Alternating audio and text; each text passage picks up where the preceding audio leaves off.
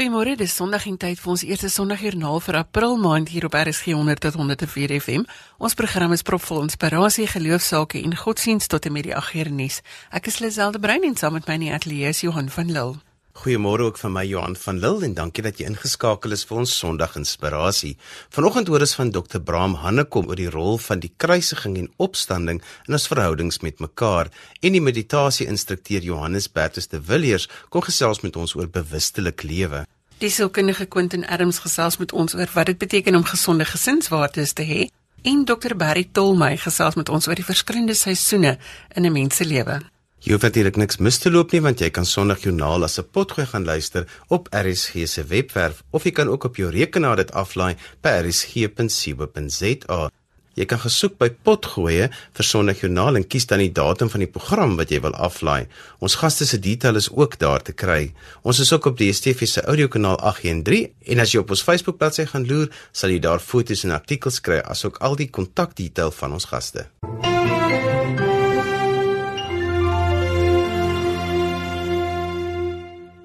Dr. Bramhane kom ons van die Sentrum vir Publieke Getuienis en ons fokus vanoggend op verhoudings. Dit is vandag Opstanding Sondag en dit is belangrik dat ons weet wat ons met die kruisiging en die opstanding gebeure moet maak in ons lewe vandag. Môre Bram. Goeiemôre Lisel. Baie dankie dat jy op hierdie Sondagoggend by ons is. Miskien moet ons net weer verduidelik, wat is die Sentrum vir Publieke Getuienis? Lisel, die Sentrum vir Publieke Getuienis is 'n sentrum wat opgerig is om so tussen die NG Kerk en die VGK te opereer hier in die Kaap. As mense vir my vra wat is dan sê ek man die die sentrum probeer die kerk op die markplein wees. Met ander woorde die kerk se stem daar waar die kerk nie altyd uitkom nie, nie altyd tyd voor het nie of baie belangrik van die temas wat baie aktueel is maar wat nie altyd op die agenda van die kerk self is nie. Daar's 'n klomp sake waaraan die kerk aandag gee en die ooreenkomste tussen ons en die kerk is ook dat ons sal nie noodwendig vinnige uitsprake, groot uitsprake maak oor dit waaroor die kerk hulle stem laat hoor nie. Maar dan is daar aktuelle kwessies soos water, ongelykheid, jy weet, onderwys. Ehm um, daar is voortdurend is daar kwessies, konflik en die en dan die een groot saak waarop die sentrum graag wil fokus is om deur dialoog wederwysige begrip tussen die verskillende groeperinge in die land te bewerkstellig. En ons is in stede betrokke, ons is in kleiner dorpe betrokke. Dit is die hoof fokus van die sentrum. Sou ek dan reg wees as ek sê julle is 'n skakeltjie in die verhoudingsketting om alles bymekaar te hou? Is 'n skakeltjie in die verhoudingsketting en ek hoef nie vir jou te sê nie dat die verhoudinge ook wat in die laaste dae byvoorbeeld met die grondkwessie gebeur het uiters broos is in in baie opsigte. Kom ons staan stil by die kruis en die opstanding. Vir Christene beteken dit 'n diep verhouding met Christus. Alles wat die naweek gebeur, alles wat hy moes deurgaan. Jou geloof kan nie net 'n vlak verhouding wees nie. En hierdie verhouding loop dan ook oor na die mense om jou. Verduidelik vir ons hoe moet ons met hierdie verhouding omgaan? Wat is dit? Wat gebeur vandag met ons as Christene? Ja, Lisel, kan ek net eers sê ek voel verskriklik bevoorreg dat ek op hierdie opstanding Sondag 'n uh, spreekbeurt op hierdie wonderlike radiostasie het. En en die opstanding van Christus kan ons nie genoeg omarm en genoeg aandag daaraan gee. Ek sê altyd vir mense, die opstanding is is is soos as mens nou daai beeld wil gebruik en gebruik dit met alle respek, is soos 'n troefkaart wat gespeel word. Alles wat Christus gedoen het en hy het wonderlike dinge gedoen word na 'n volgende vlak geneem, gaan in 'n volgende dimensie in deur die opstanding dit verander hom net van 'n profeet wat 'n paar mooi leerstellings gemaak het in regtig die die seun van God die bewys daarvoor. So hierdie dag kan ons nie genoeg uh, omarm nie. Sommige net interessant uh, Dr. Musa Dubai wat die ere doktorsgraad pas by Universiteit van Stellenbosch gekry het en wat so sterk onder vir vroue regte en gewerk het in Afrika en vir vigs. Haar hele toespraak by die gradeplegtigheid die sentrale tema van haar toespraak wat haar gemotiveer het en wat haar vorentoe neem was die opstanding van Jesus Christus wat regtig alles wil transformeer en alles wil anders maak. Maar ek wil ek wil byvoeg die opstanding is net 'n leerstelling nie. En en die belangrike punt wat ek wil maak, dit gaan nie net oor ons kennis oor die leerstellings van Jesus Christus nie, maar dit gaan oor die persoonlike ontmoeting ook op hierdie dag met die lewende opgestaande leermeester. Met ander woorde, dit gaan nie net oor die leerstellings nie.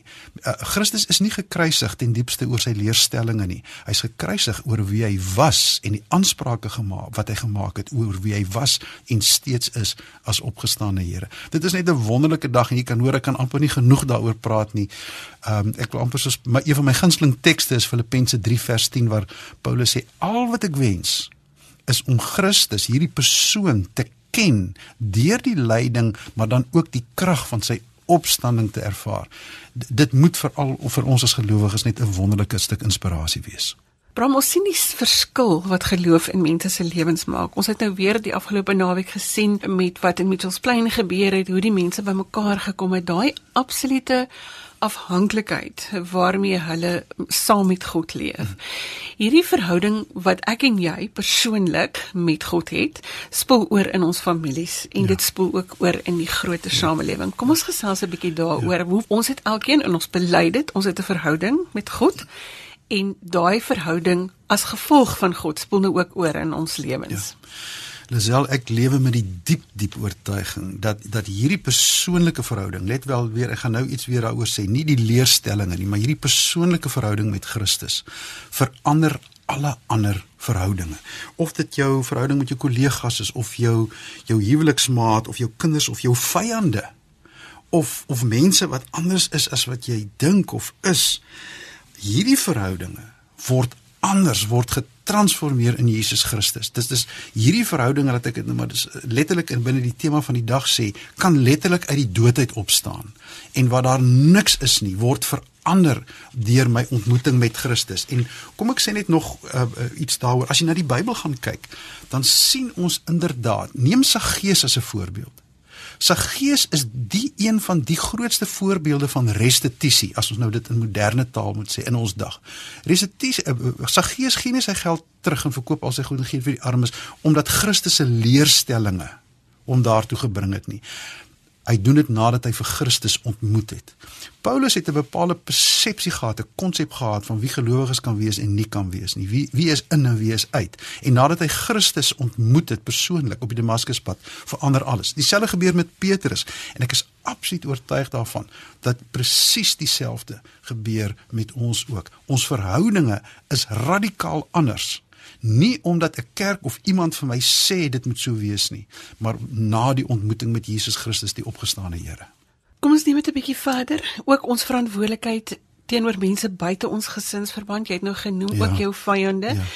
Al hierdie dinge wat in die politiek gebeur, ja. al hierdie dinge wat rondom ons gebeur met water. Ons is kwaad vir almal oor sekere goed. Dit verwag ook van ons. Jy het nou genoem teenoor jou vyande dat ons ook teenoor hierdie mense 'n getuienis ja. moet leef en dat ons met hulle in 'n verhouding moet staan. Ja. Lisel, ek wil dit verskriklik konkreet maak dat ek net eers twee goed sê om regtig te bid en die regte ding te doen staan nie teenoor mekaar nie. Ek het nou 'n week gelede 'n baie besonderse naweek eintlik gehad waar ek die die my dag begin het in 'n in 'n beraad 'n 'n public safety summit wat hier in die Kaap gehou is oor mense wat net in moedelose uit bymekaar gekom en gesê maar ons kan nie meer met die bende geweld nie. Ons kan nie meer met die misdaad nie.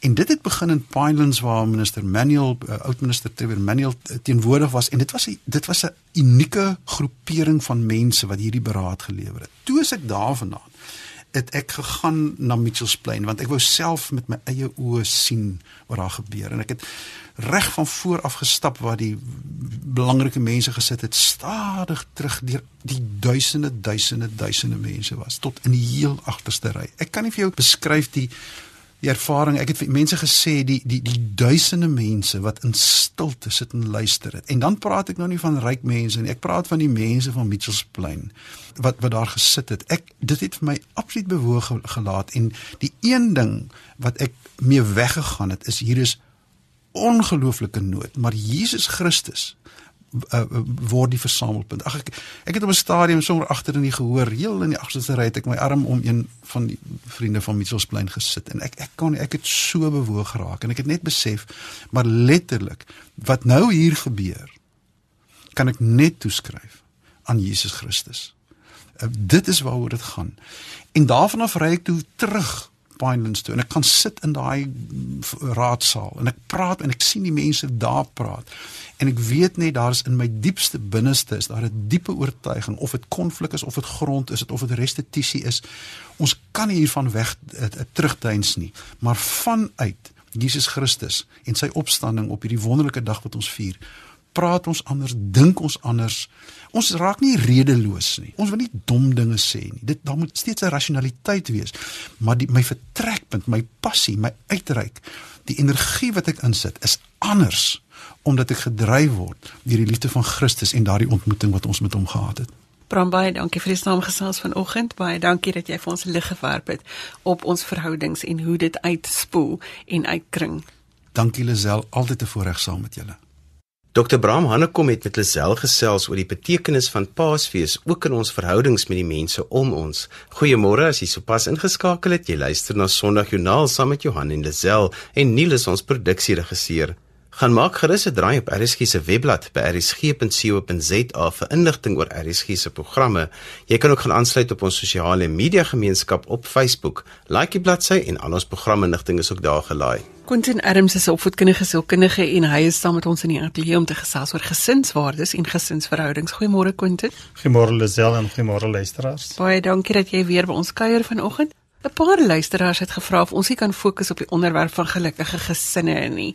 So kan ons die gesprek begin om te vra wat maak dat 'n gesin gesond is en dat daar goeie verhoudings is tussen ouers en ook tussen ouers en kinders.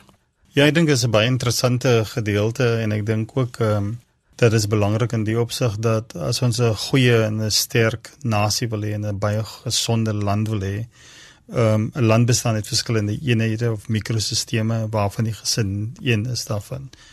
Um ek het uh, my navorsing gedoen op gesinsfunksionering en um dit was baie interessant om te kyk na die impak van gesinswaardes en gesinsfunksionering op die identiteitsontwikkeling van van jong mense.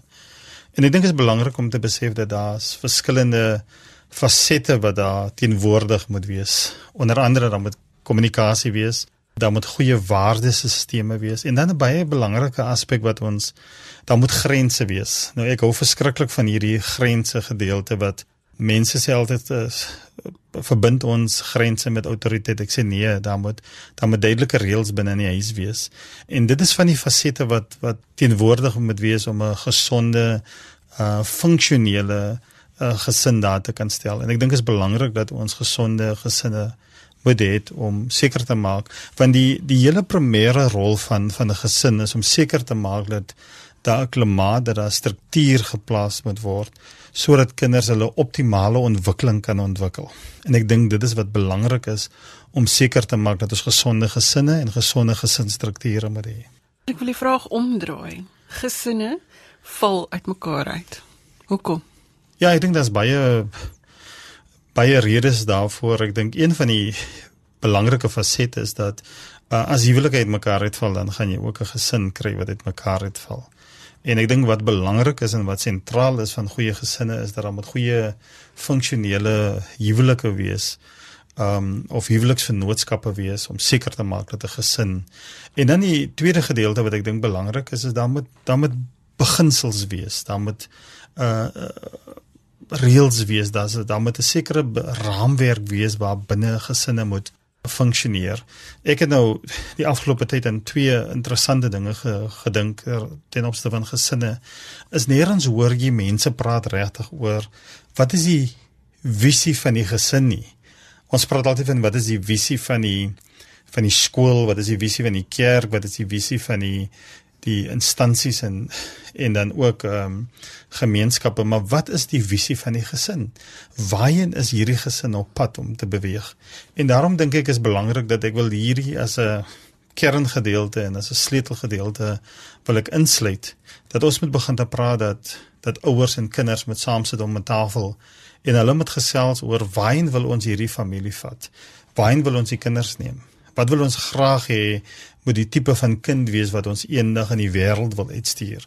En ek dink dit is vir my vind dit is vir my sentraal want dit is belangrik dat ons lewe in 'n in 'n omgewing en ons lewe in 'n in 'n land waar ons wil baie graag hê dat mense produktief moet wees daar buite kan. Mense met 'n 'n produktiewe burger wees. Hulle moet 'n gesonde burger wees. Hulle moet 'n burger wees wat gesonde waardes het en gesonde waardes openbaar om 'n betekenisvolle bydrae te lewer.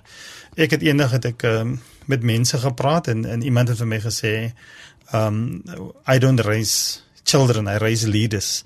En dit was vir my so 'n klemverskywing gewees in die ouerskapstyl en ouerskap benadering dat hierdie ouers um hulle is nie net besig om kinders groot te maak nie, maar hulle wil graag hê dat hulle kinders eendag leiers moet wees.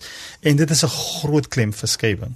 En daarom dink ek is belangrik dat ons groot uh, energie met plaas om seker te maak dat ons 'n gesonde gesin moet hê. Van die die teenpool is ook waar. As daar nie 'n gesonde gesin is nie en die gesin is dings disfunksioneel, dan beteken dit dat ons kinders gaan kry wat verskriklike struikelblokke het om regtig hulle volle potensiaal te kan bereik. Het jou omstandighede 'n invloed op gesinsverhoudings?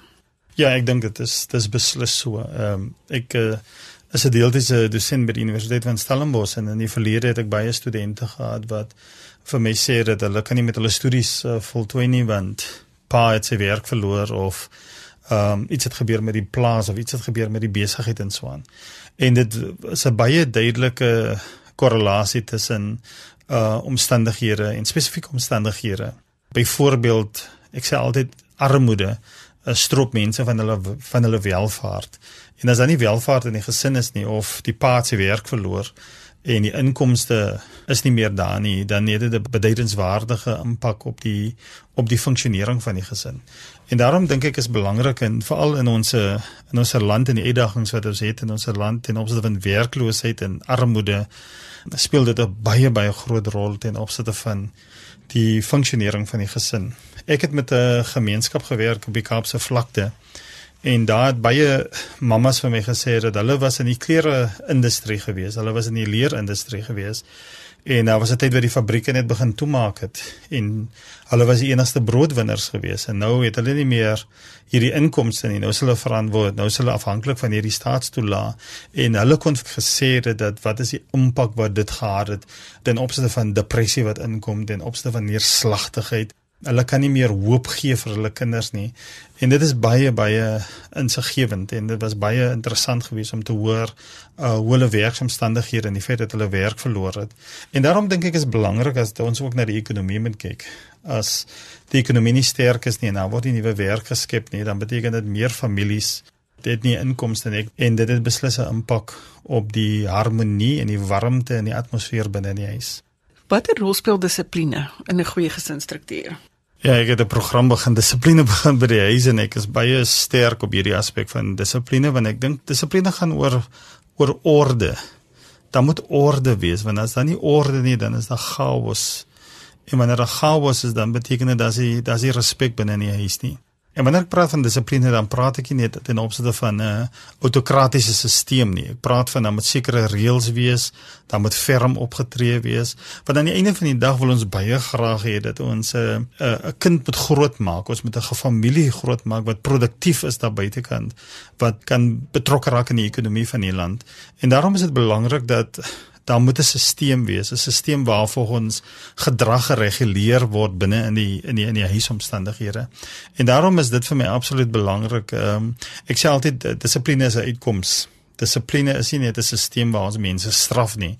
Ons wil baie graag hê dat dat dan met 'n interne locus van beheer. As kinders moet weet hoe om hulle self te kan te kan rig binne in die samelewing. Hulle moet weet wanneer om nee en ja te kan sê. Hulle moet weet hoe om verantwoordelikheid te neem. En al hierdie komponente vir my word ondervat in die konsep van dissipline. En daarom dink ek is absoluut belangrik. Ek het nou onlangs 'n boek gelees oor die ekonomie in die in, in die Wes-Europa.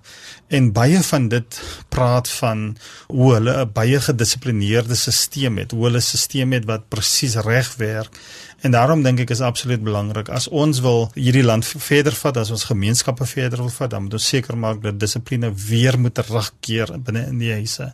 En dan baie belangrik is dat ehm um, daar's 'n stelling in my in my studeerkamer wat sê discipline is the ultimate freedom. En dit was vir my interessant. Mense meen dat vryheid is is losbandigheid. Vryheid is nie losbandigheid nie. Want as jy vryheid het, dan beteken dit sekere keuses wat jy moet hê. En as jy die vryheid wil optimaliseer, dan moet jy 'n gedissiplineerde stelsel hê. Jy moet 'n interne locus van beheer hê wat jou kan rig, wat jy die sekere geleenthede wat na jou kant toe kan kom, dat jy dit kan aanneem en dit kan maksimaliseer. Ek wil baie graag hê ons moet nog gesels oor hierdie ding van dissipline. Baie dankie dat jy saam met ons gesels het. Baie dankie en alle sterkte. Die stem daarvan opvoedkundige sielkundige Quentin Adams. Dis belangrik dat gesinne as 'n een eenheid funksioneer. Volgende week gesels hy en Desel oor gesinne se visie. As jy sopas ingeskakel het, sê ons goeiemôre. Jy luister na Sondag Joernaal met Johan en Desel en jy's net betyds vir die gesprek met Dr Barry Tolmey. So elke nou en dan kry ek 'n oproep van 'n luisteraar of 'n SMS of 'n e-pos wat sê my kind, wat nou volgende? Ek het nou afgetree en dit lyk nou anders. My geloof is nou nie meer so sterk as wat dit was nie of ek weet nie presies wat om daarmee te doen nie. En ek gesels vanoggend met dokter Barry Tolmey om ons 'n bietjie te help dink oor die verskillende seisoene van ons lewe. Ons het nou al hier aangeraak en hieroor gepraat maar ons wil weer by die kenners hoor hoe moet ons daaroor dink en hoe moet ons voortgaan. Goeiemôre dokter Tolmey Goeiemôre, dit is so lekker om uh, volgend uh, saam te praat en saam te dink. Uh, Lisel, uh, baie dankie ook vir die geleentheid om hier te wees. Ons lewens is ingerig in 'n jonk wees en dan oorgaan na ouer toe. Gesels 'n bietjie met ons oor hierdie verskillende fases. Hoe moet ons daaroor dink en wat moet ons daarmee maak? Kyk, ons is in terme van energievlakke en uh, ook in terme van ons opleiding uh, baie sterk grootgemaak om in 'n loopbaan in te gaan. Dis baie keer uh, nie altyd ons groot passie in ons lewe nie en mense gaan om uh, suksesvol te wees in hulle beroepe of baie keer as gevolg van werkskaartes beland hulle maar net in 'n bepaalde beroep wat hulle baie keer frustreer. Maar wat baie keer gebeur is hier in mense middeljare en dit kan hier van 40 al wees dit kan later wees kom daardie seisoen tot 'n einde en met ons politieke milieu en wat ekonomies op die oomblik aan die gang is, beteken dit dat ons baie lidmate het, mense wat vasgeknyp word in 'n situasie dat hulle nie meer met hulle werk kan voortgaan nie of hulle het brood net nie meer die energie om uh, voort te gaan nie. Ek het al met verskeie tandartse gepraat wat uh, baie entoesiasties vir 20 jaar tande geboor het, maar hulle sê vir my jy weet om daar in daardie ruimte te werk van ehm uh, omtrent 1 cm by 1 cm vir uh, 10 ure van die dag 50 60 ure 'n week uh, maak hulle na 20 jaar dood. So uh, wat dan gebeur is 'n mens gaan as ware en ons het ook uh, vanuit uh, Amerika 'n instituut, die Halftime Instituut wat uh, nasionaal bedryf word, is 'n internasionale organisasie. Ek Tommy Kennedy is as voltydse direkteur en ons help uh, dan vir mense in hierdie verskillende seisoene. En as jy gelowig is, dan beteken dit dat 'n mens as ware gaan sit en gaan herbesoek wat God vir jou sê vir jou volgende seisoen. Ons sien baie keer dat mense dan met ander maar net uh, nutteloos aftree. Die interessante is dat ons statistiek vir ons sê dat omtrent 5 uit 8 middelbestuur uh, wit Afrikaner mans binne 3 jaar na aftrede immigreer maar ongelukkig na die graf toe. Wanneer hulle sterf. En dis net omdat die werkidentiteit so groot was en as dit nou weggevat word of beëindig word, dan uh, is daar geen doel meer oor nie. So die punt is om hierdie volgende seisoen op te volg na 'n suksesvolle loopbaan in terme van uh, die aardse en wêreldse norme uh, met 'n uh, volgende seisoen en hierdie seisoen uh, sê ons dan binne die Halftime Institute uh, is om van sukses te gaan na 'n lewe van betekenis. En dit is om 'n verskil te maak in ander mense se lewe, om 'n verskil te maak in die wêreld en uh, ek dink die belangrike is om te gaan herbesoek wat is dit wat as uh talente in 'n mens se hart uh ingeskryf is. Dit, wat is daai passies wat uh, natuurlik daar is en wat 'n mens as ware in die vorige seisoen onderdruk. Wat is dit wat ek nou gereed is om in die volgende fase aan te pak dan nie vanuit myself nie maar vanuit afhanklikheid van die Here. Is dit nodig dat jy jouself 'n tyd gee? Met ander woorde, kom ons sê nou maar dit is nou aftrede tyd. Is daar 'n tyd wat jy net moet gaan sit en gaan rus voordat jy nou begin om te herëvalueer en om 'n nuwe visie op te stel of gaan 'n mens maar so oor van die een na die ander een toe? Dit is selfs baie belangrik dat 'n mens dit uh, deur 'n proses moet doen. Ja, mens kan dit uh, saam met jou vriende doen, maar ek dink 'n mens moet in jouself net eers tot rus kom. En uh, daarom gaan mense baie keer uh, na 'n retreat plek toe. Uh, Daar's hele uh, klomp mense wat uh, hierdie retreat plekke bedryf, uh, Dion Lewis en ouens soos Willem Nicol, uh, ouens soos Gys van Skoor waar mense as ware net in hulle self weer vrede vind. En dan as ware luister na die stem van die Here. En uh, daar uitklaar wat is die volgende tree maar ek dink die groot gevaar is om weg te kom van ons besige programme en uh, en wat ons baie keer in ons westerse kulture doen is om te dink dat as ek gaan stil sit vir 'n maand of 3 maande ehm uh, dat ek nou oorbodig is dat ek nie meer ehm uh, enige funksie het nie. En dis juist so belangrik om baie mooi te gaan luister voordat ek in die volgende seisoen ingaan. So dis belangrik dat jy jouself eers sal deprogrammeer voordat sodat jy kan plek maak vir die nuwe wat moet kom. Absoluut, absoluut. En en daai daai ander ritme wat nie hierdie rottereusie mentaliteit het van ek moet ek moet heeltyd besig wees nie uh, is deel van hierdie deprogrammering. En sou jy dan sê dat jy op 'n manier jouself dan moet voorberei dat jy nie jou waarde verloor nie. Die waarde wat jy toevoeg in die tweede helfte van jou lewe is eintlik baie groot. 'n Mens kan tot 'n groot mate in 'n fase ingaan waar jy jouself beperk, Lisel. En dit beteken dat jy uh, maar dink my lewe is nou oorbodig en ek het nie veel om te doen nie. Of 'n mens kan gaan herontdek jy kan eintlik daardie passies wat diep in jou hart al van uh, kleintyd af ingeskryf is kan 'n mens na na vore laat bring vanuit hierdie ander uh, deprogrammering. En jy kan nuwe visies ontdek. En uh, Joel Barker sê vir ons 'n visie is 'n droom in aksie. En as ons met ander gaan begin om God se drome te droom oor ons eie lewe en ons maak ons oë oop en ons sien watter geleenthede daar is en watter van hierdie geleenthede praat met my? En ek dan oorgaan tot aksie. En ek begin 'n verskil in die wêreld maak. Dan gaan ons baie langer lewe. Ons gaan gelukkiger wees. Ons gaan betekenisvol lewe. Ons gaan 'n verskillende uh, maak in ons gemeenskap. Ons gaan 'n verskil maak in ons familie. Ons vriende gaan anders na ons kyk. En ewe skielik waar ons gesit het en gewonder het hoekom lewe ons nog? is ons gevul met nuwe energie uh, en ek glo dat God ook omdat hy hierdie proses vir ons vorentoe vat uiteindelik vir ons die nuwe energie gee om met entoesiasme oud te word en dan gaan alle mense met 90 en 100 jaar nog iets van hierdie passie hê en 'n verskil in die wêreld maak. Dit is iemand soos uh Moeder Teresa wat wat dit gedoen het. Uh ietsie van Nelson Mandela se nalatenskap wat mense gesien het dat hulle op 'n ander manier uh, verouder en 'n nuwe seisoen in afhanklikheid van die Here aanpak. Baie baie dankie vir die samestelling vanoggend en baie dankie dat jy die insigte met ons gedeel het. Baie dankie Lisel, goed gaan. Die stem daar van Dr Barry Tolmy oor die verskillende seisoene van 'n mens se lewe. Intussen het Johannes hier by ons aangesluit om te gesels oor bewustelik lewe. Johannes Bartus de Villiers is 'n joernalis en 'n meditasie-instrukteur. Dit is nou nogal vir my 'n raak beskrywing van jou Johannes. Goeiemôre. Hartlike goeiedag. Ons staan vanoggend op die eerste dag van April. Die eerste 3 maande van die jaar is agter ons en soos met elke jaar voel dit vir my asof dit net vinniger en besigger word. Help ons met 'n paar gedagtes oor besig wees. Ja, weet jy, dis vir my lekker dat ek met jou kan gesels hierso aan die begin van 'n nuwe maand en môre is die begin van 'n nuwe week, né? Nee? En jy weet hoe dikwels as 'n nuwe tyd afskop dink ons hierdie keer gaan ek dit beter doen. Ek gaan nou rustig wees.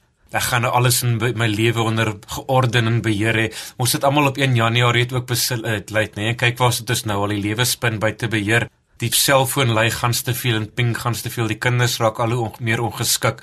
Ons ry al hoe vinniger en kom nie meer die verkeersreëls na nie. Want ons voel net ons het nie meer beheer oor die lewe nie. Die lewe is al hoe meer gejaag Dis net vir besige sake mense nie, dis vir almal van die sakeman tot die tuiste skepper tot die afgetredene tot die kind tot die persoon met hulle eie besigheid. En ons wonder wat is dit wat so ons onkruip wat ons laat voel dat ons is nie meer heeltemal in beheer van die lewe nie, nee. Ons is net so vreeslik besig.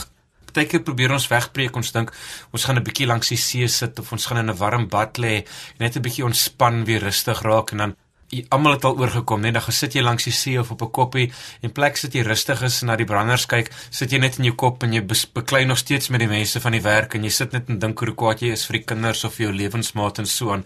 So ons begin te leer later dat die probleem is nie net sodanig dat die lewe rondom ons te besig is en buite beheer is nie, maar tot die binnekant ons is ons bietjie te besig, né? Die ou mense het mos gesê jou kop raas as jy te besig is en meeste van die tyd kom ons agter ons almal se kop raas so bietjie. Ons ons moet leer om net bietjie nie net die lewe buitekant ons stil te maak nie, maar is daar tegnieke en is daar dinge wat ons kan doen om onsself net 'n bietjie tot bedaring te bring sodat ons kan sien, jy weet daar is nog iets mooi in elke oomblik en daar is nog heeltyd iets om voor dankbaar te wees om om aan aandag te gee.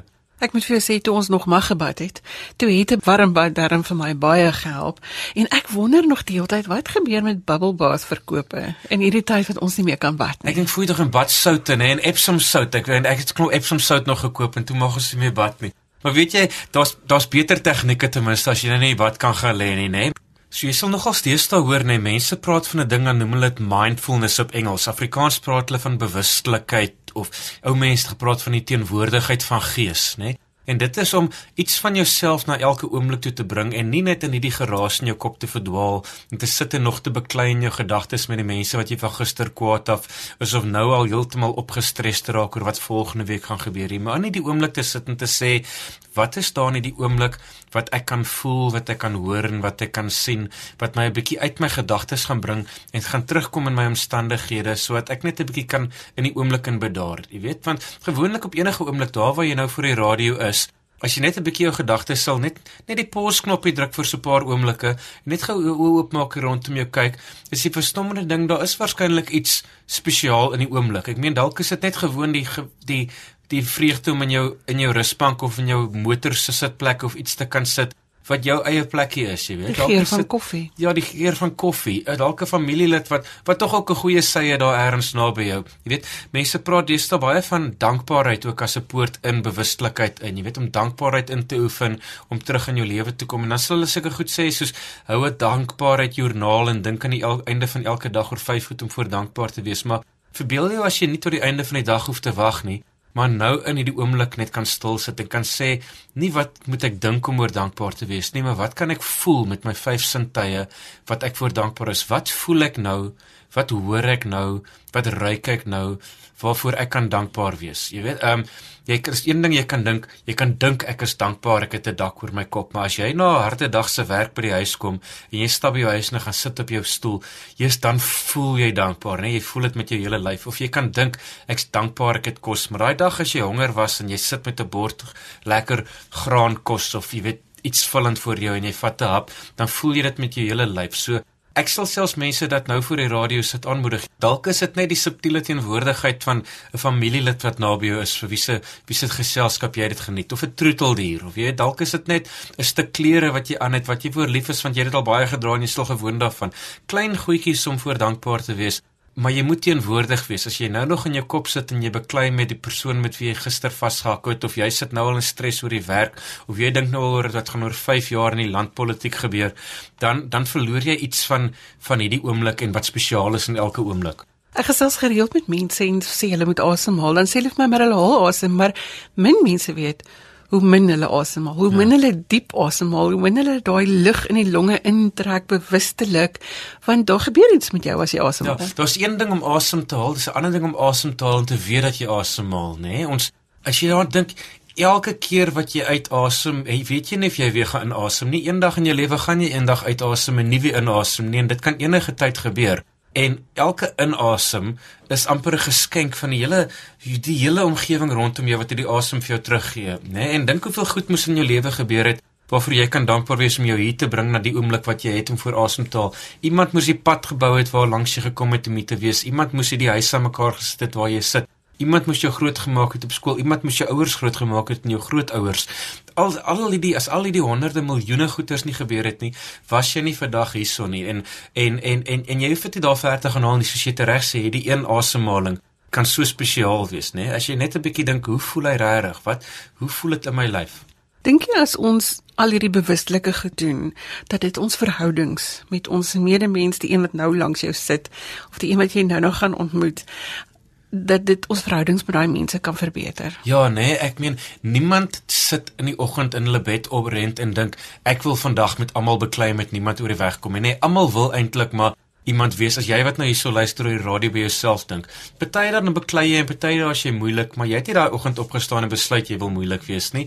Dit kom maar swaalf oor jou pad. Hoekom gebeur dit? Ons almal staan op en ons besluit ons wil ons wil omgee vir mense. Ons wil maklike mense wees om mee saam te leef, maar eers daai geraas in ons kop, ons raak meegesleer en ons vergeet. Ons vergeet wat ons wil doen, hè. Jy vergeet baie keer dat jou kinders of jou eggenoot of jou kollega ook maar iemand is met 'n steer hart wat maklik kan seer kry. En as jy baie keer kort af, jy's baie keer onredelik, nie omdat jy 'n nare mens is nie, maar jy vergeet baie keer. En selfs vir hulle kant af, hulle is baie keer onredelik met jou, nie omdat hulle nare mense is nie, maar hulle vergeet baie keer. So Wat as ons in die oomblik teenwoordig kan bly en kan aanhou om iets te voel van ons opregte omgee hart. Eerder as om op al daai jy weet daai vreesgedagtes van wat gaan verkeerd gaan as ek nou gaaf is en wat kan ek kry as ek hierdie persoon voorspring en hoe gaan ek die eerste woord in die argument argument inkry? As jy daai goed net 'n bietjie die pause knoppie kan druk jy kan sê kom ek kom net terug op die oomblik. Kom ek kyk na die persoon. Ek meen dalk sit daar nou iemand oor jou en kyk na hulle weet jy kan iets sien in hulle oog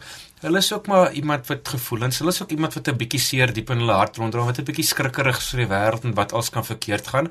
En kyk na hulle soos wat jy na jouself in die spieël kyk en sê, hier is dalk iemand wat 'n bietjie vir my liefde nodig het. Op daai noot jy het natuurlik 'n belangrike verhouding met jouself ook, nê, nee? want ons kan baie keer kan ons nog so self so ver bring met ander mense gaaf te wees en vir hulle om te gee, maar ons sukkel baie keer om dit met onsself te doen, hè. Dis interessant, hulle neem syfers hoe mens min mense drink die medisyne wat die dokter vir hulle gee om te doen, maar almal sorg dat hulle kinders en hulle eggenote hulle medisyne drink, want ons vergeet dat jy vir jouself ook moet goed wees. So, gaan kyk maar baie keer in die spieël en sê vir jouself, jy's ook iemand wat verdien om om goed voorgesorg te word en sorg dan goed vir jouself.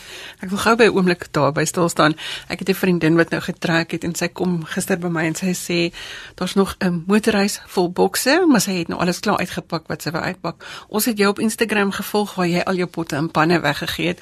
Kom ons praat gou-gou vir 'n oomblik oor die belangrikheid om die klatter rondom jou skoon te maak. Yes, ek het nogal so lank stuk daar geskryf dat daar so is 'n ehm um, daar's soos dis nou een ding jy kan nou jou kop skoon maak nê nee, en ons wil harde aan werk net help baie maar jy ken die ou klise wat hulle sê as jou lesenaar die mekaar is in jou kop ook die mekaar wees so dit help om baie keer die omstandighede rondom jou ook 'n bietjie in bedwang te bring as jy by 'n huis instap en daar lê 10 boeke op die tafel en daar's 3 weke se skorrelgoed in die wasbak en die klere is oral op 'n hoop dan gaan jy sukkel om self tot bedaring te bring so hoe kan jy jou lewe in bedwang bring. En baie keer help dit net om te, te kyk is daar nie miskien net te veel goed in jou lewe nie Ek en vriende doen dit baie keer een keer 'n jaar, dan vat ons 30 dae en dan probeer ons vir 30 dae elke dag iets weggee uit die huis wat jy nie meer gebruik nie. Nou nie net 30 koekies bak en elke dag een weggee nie, maar kyk, het jy met klere wat jy nie meer dra nie, het jy kombuisware wat jy nie meer gebruik nie. En jy sal baie keer sien, miskien besit jy 5 kastrolle, maar jy het net 4 stoofplate. Nou hoekom het jy 5 kastrolle? Dalk het jy 4 sitplekke aan jou eetkamertafel, maar jy besit 10 sopborde. Hoekom? Daar's dalk iemand wat meer nodig het. Ons is baie bang om hierdie goed laat gaan, maar die oomblik as jy begin om ietsie te deel met iemand, dan kom jy skielik agter iets voel 'n bietjie ligter. Ek het soos almal maar net ek versamel ou margarine bakkies want ek gee dit nooit weg nie. En toe eendag besluit ek dis een van die goed wat ek kan weggee. En nou kom ek agter die vrou wat langs my bly, sy werk by 'n arm skool en sy gee die bakkies vir kinders om plantjies in te groei dat hulle ietsie kan leer. My hond was lankal dood en ek het dan gaan die honde ook vasgeklou. Toe besef ek maar as 'n seentjie in 'n arm deel van die dorp en hy het 'n hondjie en die hondjie is sy enige geselskap en die hondjie slaap elke dag buite. Toe vat ek vir my honde hokkie en skielik gee dit vir hom veel vre meer vreugde as dit vir my sou kan gee as om my nie goed vas te klou. So al wat ek eintlik wil praat oor verhoudings, oor bewustelikheid, oor kalmte, oor weggee, al die goed is ons dra so baie goed uit die verlede met ons saam. Dinge, wrokke, vrese, weet eh, bekleierye En as jy partykeer net 'n bietjie kan terugsit en dankbaar wees vir wat jy nou hierso by jou het, dan besef jy die oomblik is goed genoeg. Jy hoef nie meer die swaar las met jou saam te dra van al daai gemors nie.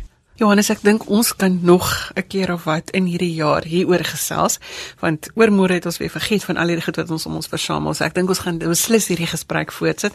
Baie dankie dat jy vanoggend saam met ons gekuier het. Baie dankie voorspoed vir April vir almal. En met daardie goeie raad van Johannes Bertus de Villiers is ons aan die einde van vanoggend se program. Ons het vanoggend gesels met Dr. Braam Hannekom, met Johannes Bertus de Villiers en ook met Quentin Adams en Dr. Barry Tolbey. Van my Johan van Lille. Totsiens. Ek kan gerus my e-pos met kommentaar of as jy 'n geloof storie met ons wil deel. My e-posadres is lazel@wwmedia.co.za of jy kan vir ons 'n boodskap deur die webwerf stuur by rsg.co.za. Ek groet namens produksieregisseur Neil Roo. Ons skakel terug na Johannesburg tot volgende week. Totsiens.